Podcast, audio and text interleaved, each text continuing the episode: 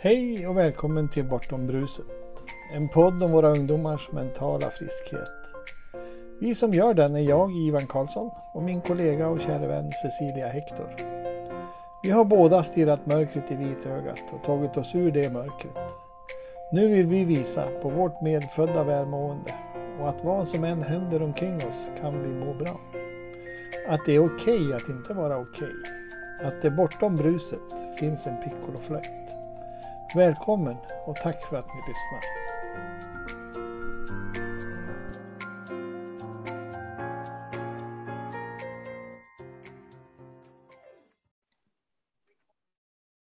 Yes. Hej Eh. mina goda glada vänner.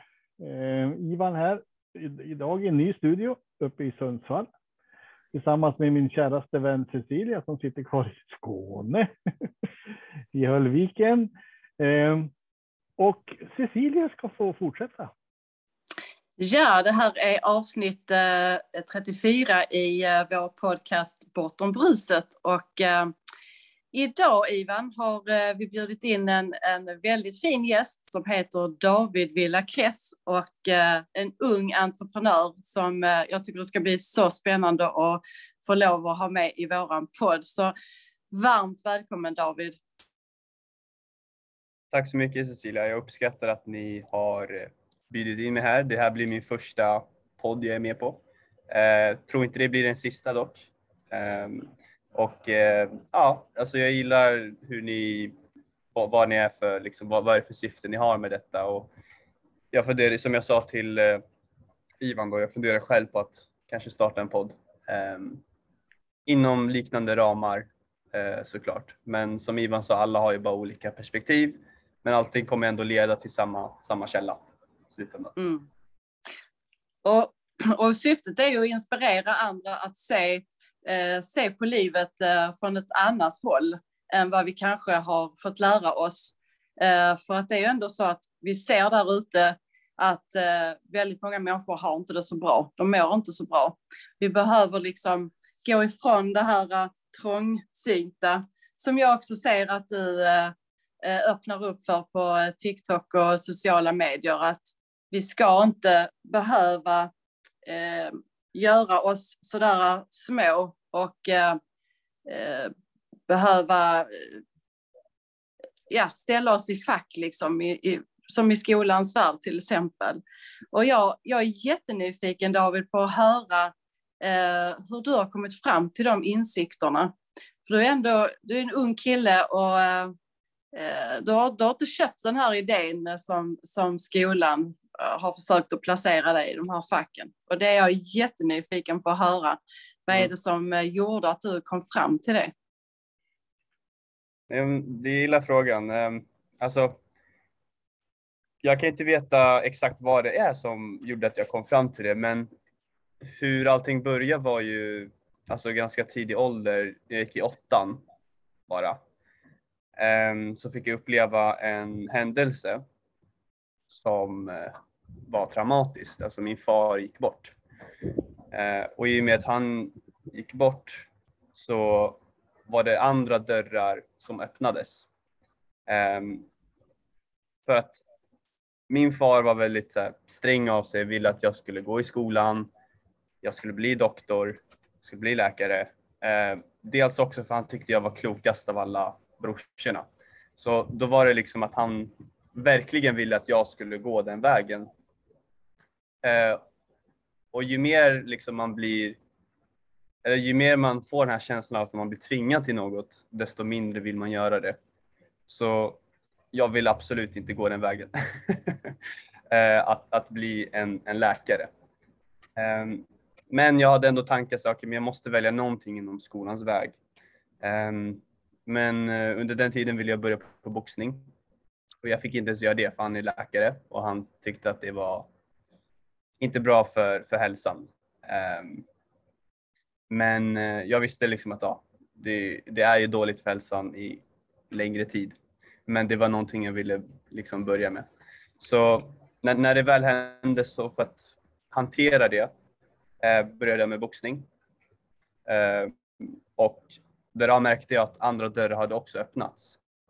För min morsa var inte lika eller så här, hon blev inte glad när jag hoppade av gymnasiet om jag säger så. Eh, vilket var i slutändan det som ledde till att jag, mina, hela nian, liksom mina betyg gick helt neråt för att jag var, jag, jag hade bara en viss känsla av att det här är inte det jag vill göra. Eh, liksom. Jag gick ett år i gymnasiet efter det Ehm, och jag gick musikproducent. Jag, jag, tyckte det var kul att göra då. Så jag har alltid liksom försökt göra det jag tycker om att göra. Eh, liksom söka efter det för att det känns mer liksom, givande. Men eh, ja, man gick ett år i gymnasiet och sen var jag, jag kände att det var slöseri med tid eh, egentligen. Så jag bestämde mig för att hoppa av. Ehm, och då var jag 17. Så allting började ju ungefär när jag var 14-15 kan man väl säga. Eh, men jag tog klivet när jag var 17. Och om jag får fråga, när du då tog de här besluten, vad hände då i familjen? Accepterade de dig då? Eller blev det, blev det ett helsike? Det, just det som är grejen, att ja, alltså morsan, eh, till skillnad från eh, hur farsan var så här, med, med morsan visste jag så här, ah, okay, hon kommer inte vara glad. Eh, vilket hon inte blev, alltså hon kunde inte acceptera det. Men jag visste ändå så ah, men det här, jag kan hantera det. Eh, det, det, det för min relation till min mor är mer att jag kunde ha liksom en sån diskussion medan farsa var mer nej, nej, lyssna på det. Eh, så familjen tog inte emot det bra. Eh, men jag försökte förmedla att så här, jag hoppar inte av för att så här, jag vet inte vad jag vill göra. Eh, mm. Nej, men jag försökte förmedla som sagt till eh, morsan att jag vill inte hoppa av för att här, jag det är inte så att jag gör det för att jag inte, alltså för att jag vill lata mig eller bara chilla och jag vet inte vad jag vill göra, utan det var mer, jag förmedlade att jag var i sökande till att veta vad jag vill göra. Um, och ganska tidigt hittade jag ett jobb um, och det landade på telefonförsäljning. Uh, och det var egentligen det som fick mig att så här, inse, aha okej, okay. alltså så här, det här jag behöver inte skolan någon mer. Liksom. Så typ två månader efter jag hoppade av började på det här jobbet och andra månaden fick jag en lön på 60 000. Eh, Oj! Och det var så här, det är ju, det är ju en lön som många behöver plugga fem, sex år till utöver mm. gymnasiet för att kunna ha den lönen. Mm. Um, så efter det var det så ja, jag behöver inte tänka tillbaka. Eh, mm.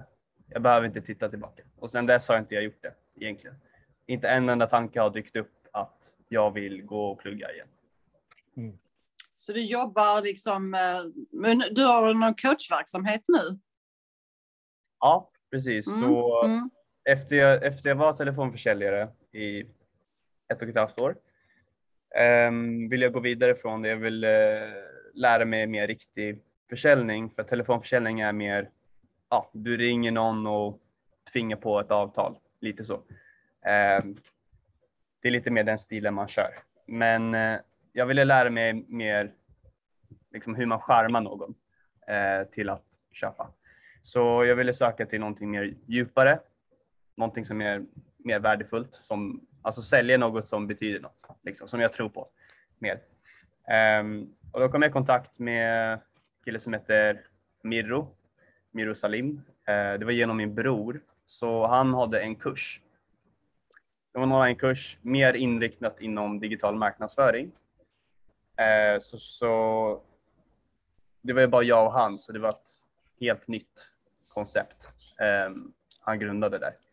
Men man fick lära sig ganska mycket om hur, hur försäljning funkar, eh, hur det är att bygga någon sån typ av företag Sen träffade jag Daniel eh, genom den kursen. Så Daniel är han jag har den här coachingverksamheten med just nu. Eh, han valde coaching i den kursen. Man kunde välja det, men det var mer som en så här, ja, bara så att du vet, du kan tjäna pengar på coachning. Eh, så det var inte jättebra. Alltså det var inte jätteinvolverat kring hur man har en verksamhet innan coachning. Eh, för den kursen var mer inom digital marknadsföring, alltså Facebook-annonser, liknande. Eh, men det senare så ja, gick den kursen i konkurs som jag jobbade för. Ehm, och ungefär den tiden sa Daniel, ja men eh, jag har en idé, ska inte vi typ göra samma sak fast för coacher istället? Ehm, för han har ju varit en coach ett, ett och ett halvt år ehm, och han lever på det på heltid. Han kunde göra det efter ett halvår sedan han började sin verksamhet. Och än idag lever han på det fullt ut. Så vi bestämde oss för att eh, köra på det helt enkelt. Eh, där det är liksom en utbildning slash kurs till eh, de som vill bli eller de som är redan coacher till att kunna, kunna skala det till en, en, en stabil nivå. För vi har märkt att många coacher eh, tjänar inte bra pengar idag. Um, så att Daniel kan ju fakturera 10 000 i månaden eh, per kund och det är inte många som kan göra det. Mm. Så, så det är det vi vill liksom ändra på. Att, eh, att flera ska kunna ha det här lönsamt. Mm. När vi ser på det här med självförtroende, hur, eh, hur har det liksom utvecklat sig? Hade ni det redan från början? Kändes det som att ni var starka där eh, liksom i ett tidigt skede och, och, och, tänkte att ja men det här fixar jag eller var det någonting som har förändrat sig över tiden? Mm. Jag skulle säga det förändras genom tiden. Alltså man har ju det är en annan sak när jag jobbade för Mirro. Um, för han hade varit i branschen mycket längre. Så att hans självförtroende var redan där och jag behövde bara haka på. Liksom. Um, men nu när det var jag och Daniel och det, det här är liksom vårt helt egna så har det varit liksom lite upp och ner. Men det har aldrig kommit till den punkten där vi har sagt ja, ah, men det här kommer inte funka. Det, det har aldrig kommit dit. Um, och varför? Det är egentligen för att vi fick ganska tidigt en klient uh, till, till vår verksamhet. Uh, sen har det inte gått som vi vill att det ska gå, alltså lika fort uh, som de målen vi har satt. Men, men det, är, det är någonting vi vet om att det är en del av processen eh, egentligen. Eh, och man ska inte heller ha förväntningar på att kunna liksom, göra stora pengar direkt eller att det ska vara lukrativt direkt heller. Eh, men för min del så har det varit kanske lite mer upp och ner. Eh, men det är dels för Daniel har ju en egen verksamhet utöver den här som vi har tillsammans. Eh, så på så sätt så har han en källa som han kan skapa själv. Eh, men för mig har det varit att jag, alltså när vi började företaget, då, då var jag i stunden med att jag ville resa utomlands och då gjorde jag det i tre månader första året, alltså just det här året. Eh, varför jag ville göra det var för att jag, jag kände att jag hade ett bra sparat belopp och jag kände att jag hade bara sparat pengar för liksom att jag var typ, det kändes som att jag var fäst vid dem. Eh, fäst vid pengarna och fäst att pengarna ska växa. Och den mentaliteten vill jag få bort. Um, så jag, jag, ville få bort den mentaliteten att pengar är någonting svårt att införskaffa. Så att det är någonting jag måste skydda. Så därför, plus att jag vill också sen tidigare resa ensam framför allt. Um, ehm, för att jag tror det är en annan sak att resa ensam än att bara vara med kompisar. Um, så då valde jag att ta flygbiljetter tre månader, brände upp allting uh, och i det så fick jag lära mig mycket. Uh, vi hade företaget samtidigt så jag hade liksom bara min laptop med mig, körde igång det. Ehm, men sen var tanken så här, vad ska jag göra medans liksom, vi bygger det här? Tog jag ett kaféjobb eh, som barista. Tänkte att ah, men jag kanske inte ska syssla med sälj, för jag sysslar ju med sälj i företaget och det kan bli för mycket. Um, Så då tänkte jag, ja, men jag har någonting utöver det, men sen så insåg jag att ja, men jag vill ändå sälja hela tiden. Um, så nu är jag på spåret att ha ett försäljningsjobb vid sidan av. Vi bygger det här också. Um, men jag skulle säga den.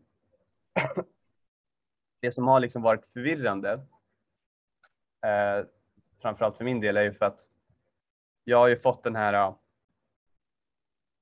De här insikterna, de här, den här uppvakelsen som jag nu sprider på TikTok. Den kom. Den började när jag var. Det var min tredje månad när vi var utomlands i Valencia Eh, och då var jag med Daniel den sista månaden. Så då var jag inte själv. Men eh, då var det en punkt där, jag kan berätta hur det hände, men jag hade experimenterat innan med eh, psykedeliska svampar eh, för att förändra mitt perspektiv och bearbeta tidigare trauman. Det var framförallt för den anledningen. Eh, så när det var borta och så testade jag det igen, då var det som att en ny dörr hade öppnats. För nu var inte det längre mina, mitt intellekt som hindrade mig från att kunna se liksom verkligheten som den är. Eh, och det var, det, det var den dörren som öppnades. Sen gick det några månader, jag var utomlands eh, och så märkte jag att när jag var i Tenerife, där var det så mycket natur, det var så fin miljö, fina människor att man, plus att jag var själv, att här, jag var inte fast vid min identitet i Sverige heller. Så att jag, jag kunde vara vem, vem jag ville. Eh, så den illusionen av vem jag är försvann eh, lite. Men då var det så här, men vänta, jag, jag är något helt annat här. Um, och det känns mycket mer genuint. Men framförallt var den här ron man hittade där och som man inte haft förut egentligen. Um, man gick inte ut och festa. Alltså, man kanske drack några bärs med umgänget där. Jag bodde på hostell så man hade så här, ah, kortvariga bästa vänner hela månaden. Um, men sen när jag åkte till Valencia, då var det tillbaks till en storstad igen. Där det är betongväggar, betonghus och eh, det man gjorde där var att man gick ut och festade varje helg. Um, och alltid sökte efter någon något form av rus eller just det här eh, att ha kul. Sen märkte jag att det här ron försvann när jag var där. Um, och jag, jag, jag, jag, kom på mig själv i det och tänkte, men vänta, var, varför, varför är det så här? Varför kunde jag ha det så mycket skönare i Tenerife, men inte här? Det ska inte vara så. Eh, det, jag, jag, insåg att jag hade ju, alltså det var ju, det var jag som hade skapat de här, eh, äh, de här eh, intellekta problemen som, som dök upp där i Valencia. Det kom ju från mig, eh, insåg jag. Sen, eh, vi blev ju förkylda, väldigt sjuka, för att vi tog inte hand om oss själva. Vi bara festade och sen jobbade. eh, och i det så kollade jag på någon Youtube-video. Då var det så historien om Buddha. Hur han hittade liksom sin upplysnad. Um, jag vet inte, ni känner kanske till historien om... Mm. Mm. Ja. Så att han var ju en prins, han eh, hade liksom allting i världen och sen var han inte, han var inte nöjd fortfarande så han gick ut på en resa. Eh, men i slutändan det landade på att han bestämde sig för att sitta ner tills han fann ro. Eh, och då tänkte jag, ja men det måste ju vara någonting med de här eh, munkarna. Alltså de sitter ju ner flera timmar om dagen, gör ingenting och är glada. Så, eller de måste ju få någonting utav det. Det är ju helt omöjligt att de gör ingenting för att få ingenting. Um, så då bestämde jag mig, för jag hade mediterat innan typ ett år, men det var typ tio minuter. Alltså det var, någon kallar det Silicon Valley meditation. Eh, Alltså för bättre fokus, man går ner i stress. Eh, så det var inte riktigt djupt. Men eh, den här gången efter jag såg den här videon, jag la timern på två timmar. Så att jag inte tänker på tiden, utan jag bara kör. Det landade på en timme 40 min. Eh, när jag vaknade upp från den där var det, jag insåg att jag, jag, det rann bara tårar alltså när jag vaknade upp. Eh, det var ingenting jag, jag märkte under tiden. Eh, men det var en sån ro jag hittade och en sån insikt att säga, aha, jag behöver inte kolla utanför mig. Jag, jag behöver inte söka där längre. Eh, det är det här jag måste, det här, det här jag måste söka. Um, det är det vi pratar om. Mm, men jag kan tänka mig. Och eh, det är ju det viktigaste egentligen för att ha alltså, den, den mentala hälsan och jag tror att många, många har förväntningar att de, att de söker utanför sig själv. Mm. Um, ja, men den här upplevelsen kommer fixa mig. Den här resan eller när jag har gjort det här, då. Eller det här pillret kommer,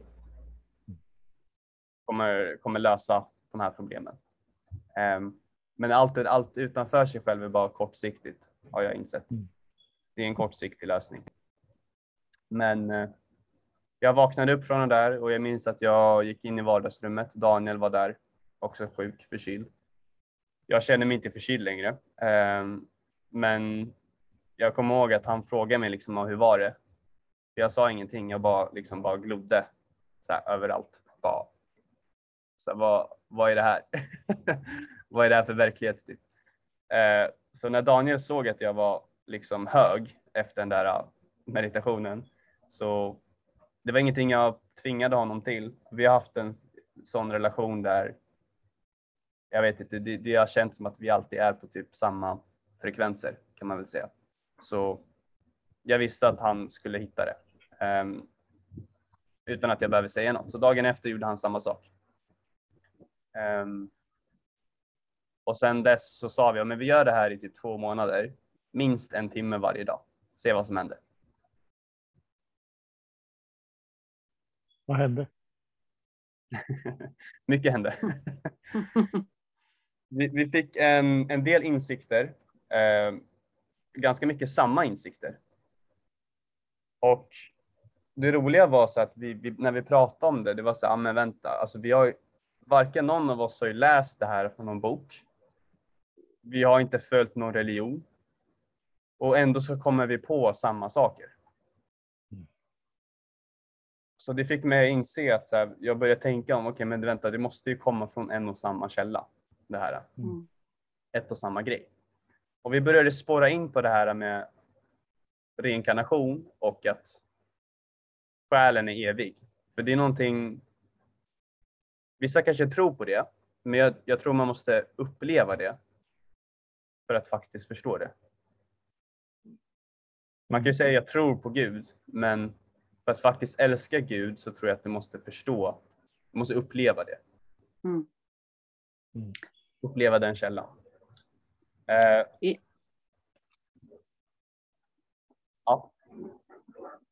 Jag skulle bara säga att insikter kommer alltid inifrån. Definitivt. Det, det, det kändes som att det var någon, någon sån här högre makt eller no, någonting mm. som som bara gav oss den här informationen. Men vi hade inte här... det. Förlåt? Nej, jag vill bara säga att det är så härligt att höra att man kan få det i så pass tidig ålder. För att jag, jag själv var 48 år när jag verkligen förstod att, att uh, det kommer verkligen inifrån. Och att allting är styrt av det jag tänker kring, kring det som finns där ute. Du mm. har, ni har ju livet framför er och det är ju det är verkligen det som, som eh, vi, vi önskar när vi gör den här, de här inspelningarna, att man kan eh, få yngre människor att, att se utanför den här uh, trånga boxen mm. som sätts där ute för att uppleva det som du, som du och din vän har fått uppleva. Att det verkligen kommer från insidan. Mm. Definitivt. Och det, det, jag tror det är viktigast när man är i ung ålder, för det, det är då mm. man är mest liksom, mottaglig. Ja. Mm. Man är du, är minst för, du är minst förstörd. ja. Jag, var, jag, var, jag var 55 mm. plus eller något sånt där innan jag insåg det här. Eh, eller fick insikten att jag skapar min upplevelse av världen inifrån och ut, ingenting annat. Ja. Eh, så grattis, jag är lite avundsjuk. ja. ska man inte vara. Du kanske i nästa liv så hittar du när du är fem år gammal. Ja, vet inte. Så det, det behövs ju ett paradigmaskifte för, att- för att väcka upp till just den insikten som ni har fått och som vi, vi har fått nu. Men, men jag hade önskat att, att som sagt man kunde få det så pass tidigt. För jag menar, eh, vi behöver ett skifte. Jag menar samhället speglar ju faktiskt, eh, det är en temperatur på hur vi för, för hur människor har det. Och eh, när det ser ut som det gör så, så är det en indikation på att vi inte är på rätt eh, med eh, varken psykiatri eller förståelse kring eh, tabletter och alkohol och droger och allt vad det nu är. Och eh, metoder, tekniker.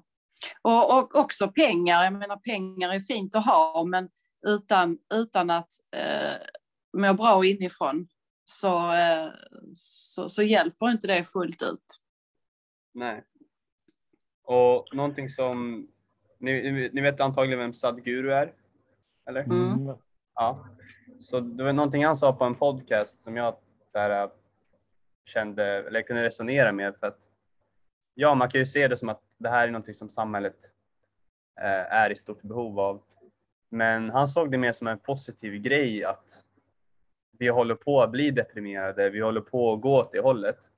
För i det här lidandet, dessutom har vi också släppt den konceptet av att det finns en himmel och det finns ett helvete. De flesta har gjort det. De har släppt det konceptet, alla gör vad de vill.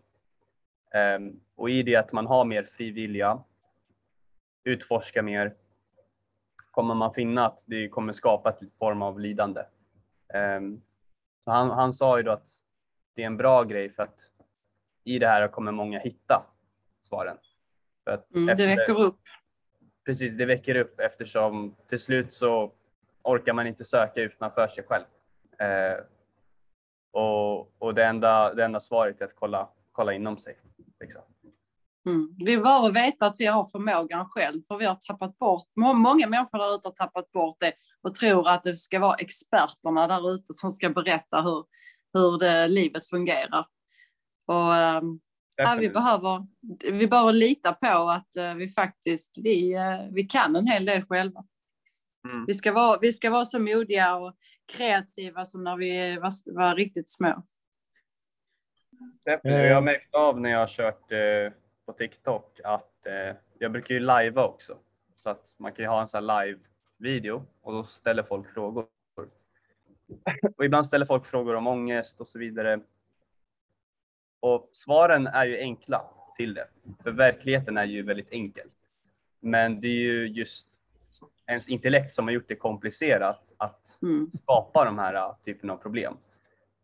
Och vissa tar inte emot mitt svar för att de har det, de svarar tillbaka på kommentarerna. Ja, men du, du, du vet ju inte vad den här syndromen är för något. Mm. Alltså vilket är så någon form av ångestsyndrom. Mm. Du är inte utbildad inom det, så prata inte om det. Ehm, så då, då, då märkte jag verkligen av att här, folk förlitar sig på att jag ska ha någon form av licens eller att det måste vara en person med licens i det här Mm. som vet svaren. Liksom. Och du kan, inte, du, du kan inte hitta det själv. Utan det är för komplicerat att göra det själv där känner jag mig otroligt trygg när jag pratar i den här podden för att jag har haft så fruktansvärt mycket ångest och panikångest och eh, depressioner och gud vet allt. Så att det är i alla fall ingen som behöver ifrågasätta eh, huruvida jag vet hur det känns eller inte. Och jag är 100% säker på att det kommer från mitt tänkande och eh, skapat utifrån det. Och att det inte har att göra med att jag är sjuk på något sätt. Eller att någon annan är det heller. Men att det är fullt möjligt att tro det. Vilket jag trodde i väldigt, väldigt många år att det var så. Att jag hade eh, en massa diagnoser eller eh, att det var något fel på mig. Men det är, eh, det är väldigt hoppfullt att kunna säga att det faktiskt inte är sant. Mm. En samling, ångest är en samling jättejobbiga tankar.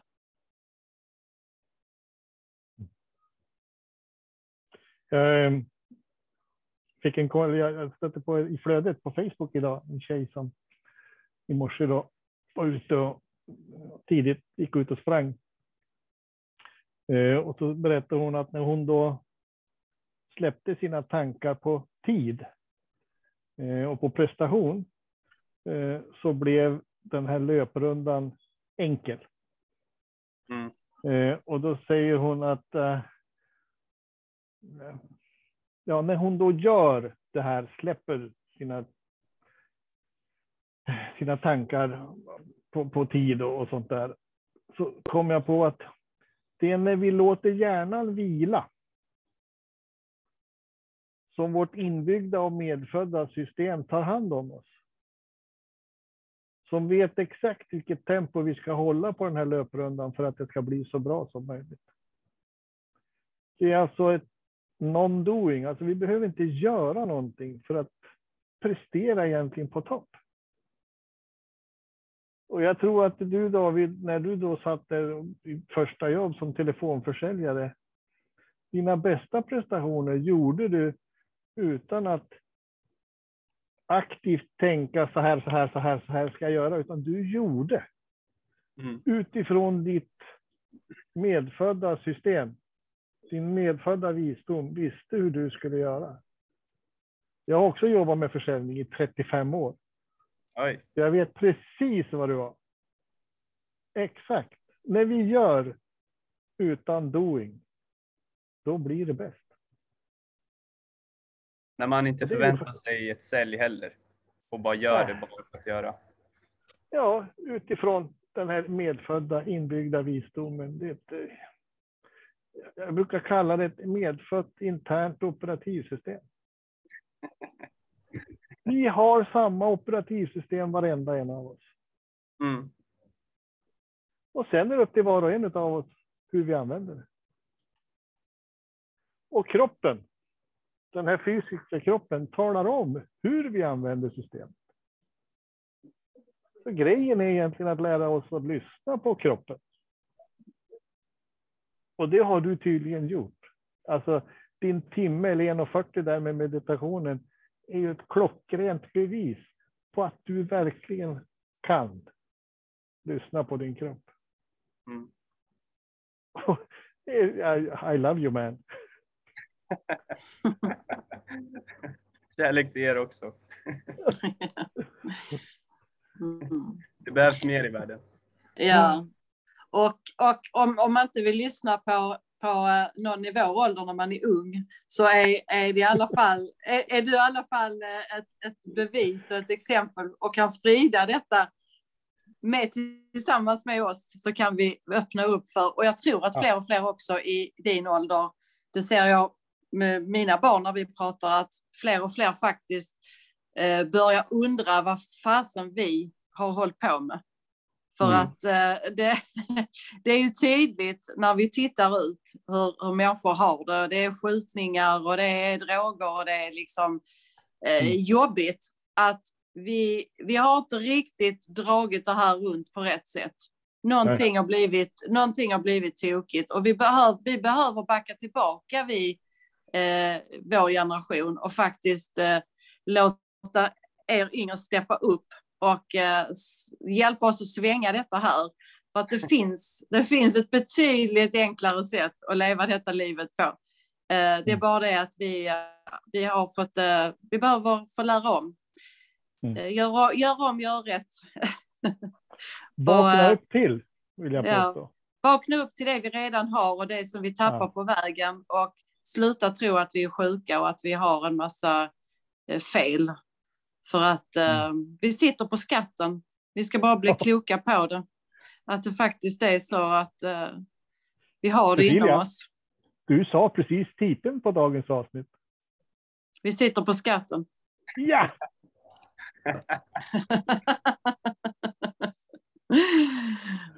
Oj, oj, oj. Det här blir så bra. Underbart. Nej, men jag tror att eh, det, det är liksom... Eller jag ser det mer som att vi är, mänskligheten är sjuk. Liksom. Eh, Nej, nej, nej, nej David. Vi är friska, men vi tror att vi är sjuka.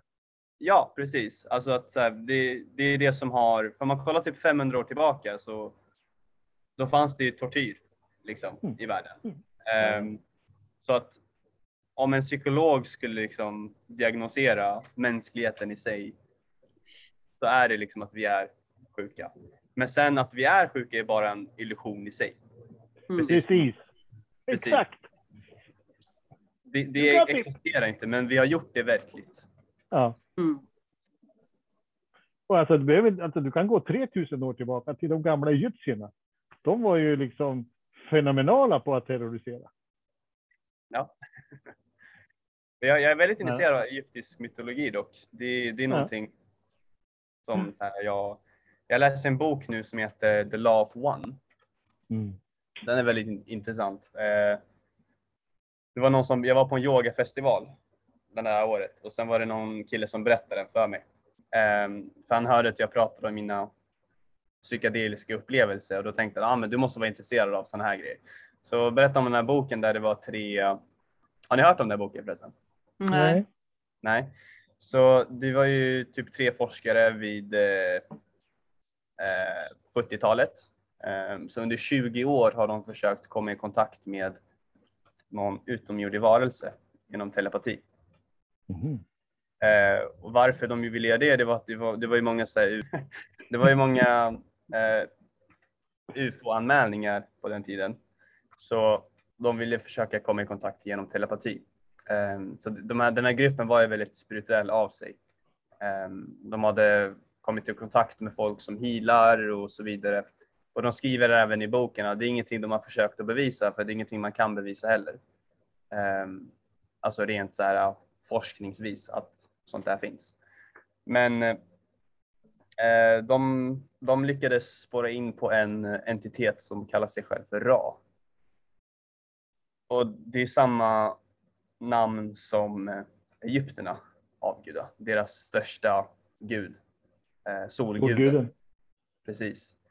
Eh, och när man läser boken, eller han, han i festivalen, han berättade att jag borde kolla på Youtube först för engelskan är så pass komplex. För att tydligen så är han begränsad. Alltså den här entiteten är begränsad med språket. Så han försöker förmedla exakta, korrekta ord. Vilket gör att det kan vara svårt att förstå. Så kollade jag på Youtube och allting var så här. Jag såg att det var folk som inte riktigt var troende. Eller så här, ja, de var lite mer åt det hållet att det finns ingenting. Um, att det var ändå en känsla av att ja, men det här låter logiskt. Um, för då, då berättar, eller då avslöjar ju den här entiteten i genom boken um, hur hela processen börja. Eh, att han även kom i kontakt med egyptierna, varför han gjorde det eh, och sen varför de lämnade till slut. För att det blev förvirring i slutändan.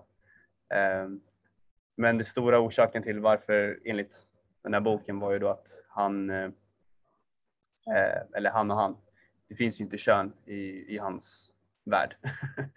eh, men eh, att eh, eh, de hade så kort levnadsstandard på den tiden. Så de levde bara till 30 år. Eh, och det var inte tillräckligt för att få en så pass utveckling. Eh, plus att de var väldigt öppna i sig och de avgudade solen och så vidare. Eh, så därav kom de i kontakt. Men det, det mest intressanta är väl mer typ hur allting påbörjades från en källa. Eh, en, som är liksom evig. Och sen börjar den här evigheten bli medveten. Eh, och sen börjar källan medvetet dela på sig själv. Ehm, och hinduerna kallar den här processen typ dansen eller eh, samlaget i, som skapade the big bang, om man säger så. Eh, så den här delar på sig, splittrar på sig för att uppleva sig själv i sig. Den är, den är ganska flummig den här boken, men eh, den, den, den har ändå liksom bra punkter som make sense. Um, Budskap. definitivt mycket visdomar kring vad är syftet med att vi lever i den här uh, Mm. tredjedimensionella världen. Vad kommer efteråt? Eh, vad är liksom läxan vi ska lära oss? Eh, Mm. Och den är väldigt enkel. Det är bara att ge kärlek och förstå den här uh, universella medvetandet att allting hör ihop, att vi är inte separerade från varandra. Och för att få de insikterna så tror jag att vi måste sakta ner till livets hastighet. Mm. Precis som du gjorde när du reste iväg. Att man stannar upp en med sig själv och funderar lite kring allt det som händer där ute och inte halkar in liksom i, i all, alla andras eh, utan att man liksom hittar den styrkan inne i sig själv och litar på att man har det man behöver. Mm. Mm, underbart. Och det är egentligen Underbart. verklighetens hastighet vi måste Mm. sakta ner oss till. Mm. Livet. Livet i sig. Mm. Men eh, jag, jag rekommenderar att checka den boken. Den är väldigt intressant. Men annars är det Youtube först. För att det är en kille Mm. som heter Aaron Apke. Eh, han har gjort en bra serie på den. Eh, så när man kollar de första avsnitten förklarar han just det här medvetandet. Hur allting började. Eh, ur bokens perspektiv. Liksom. Eh, Mm. Vem Jesus var, vem Buddha var. Mm. Eh, vad var deras syfte med att de kom hit? Vart de är nu liksom. Mm. Om du skulle, om du skulle liksom eh, vilja, vad ska man säga, ge några ord utåt till någon som sitter fast i, eh, i oro eller eh, som, som sitter fast i systemet och som vill liksom hitta det här eh, som du har hittat inom dig. Vad, vad skulle du kunna eh, säga till, eh, Peka på. till dem där ute. Ja, vad skulle du vilja peka på? Vad är det du har eh, sett med nu eh, eh, att du har eh, blickat inåt? Mm. Jag skulle framförallt säga, för att jag ser att speciellt med de nya generationen att man har blivit lite bortskämd och man vill inte se, eller så här, man har använt, jag, jag ser det även med människor som är inom det här att de, de förstår det här konceptet men de vågar inte uppleva det. Och vad jag menar med att man inte vågar uppleva det, det är att man vågar inte bemöta det faktiska problemet utan man använder det här som ett sätt att fly från det. Eh, och om man går tillbaks till att man är liksom ja, att, att man är bortskämd och, och det är för att man har, eller de många majoriteterna här, alltså, ja, alla går igenom saker och ting eh, i livet men eh, men det är betydligt mycket enklare levnadsstandard just nu än vad det var för flera, flera hundra år sedan. Eh, men det budskapet jag vill ge i alla fall, eh, och någonting som jag behövde göra först, liksom, för att kunna inse allt det här var att bemöta eh, sina skuggor och, och, och orsaken till att man gör sig själv sjuk vad är orsaken till att jag gör mig själv eh, intellekt sjuk? Mm. Och oftast är det en liten röst där bak som man ignorerar. Det är oftast en, en sak man trycker bort. Man eh, tänker, ja men det här är ingen bra grej tänka eller så här, man, man, man tar inte tag i det. Um, och det var någon gång i min period där det här var ungefär, ungefär ett och ett halvt år sedan. Eh, som jag berättade tidigare, jag hade gått igenom en trauma att min far gick bort. Um, tog inte riktigt itu med det. Lät det vara bara. Eh, fyllde det istället med en relation. Den relationen tog slut. Och sen hade jag ingenting kvar längre. Och det var ungefär min lägsta punkt i livet för att jag hade två saker att bearbeta. Eller jag kom fram till insikten att så här, jag är ingen riktig person. Eh, egentligen. Jag vet inte vem jag är. Och jag hade två alternativ. Antingen så kunde jag bara gå in i en depression. Jag kände att det liksom kanske var på väg dit. Eller så kunde jag ta fram papper och penna och formulera allting som jag hatar med mig själv. Kanske låter grovt, men det är ändå en baktanke många går runt med. Liksom.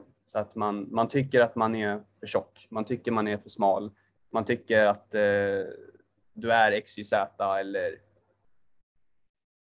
du kanske har den här, ah, fan vad lat du är, liksom i ditt huvud. Men att skriva ner det verkligen var så här, ja, nu vet jag vem du är. Nu vet jag vad det är för röst där bak som, som tycker så här. Det, är inte, det är ingen hälsosam grej att gå runt med det här. De här skuldkänslorna som man har, som har byggts på. Så att man verkligen bemöter det. För det är då jag kan, när jag lär känna liksom, okej okay, det här är mina demoner, då kan jag ta fram min ängel.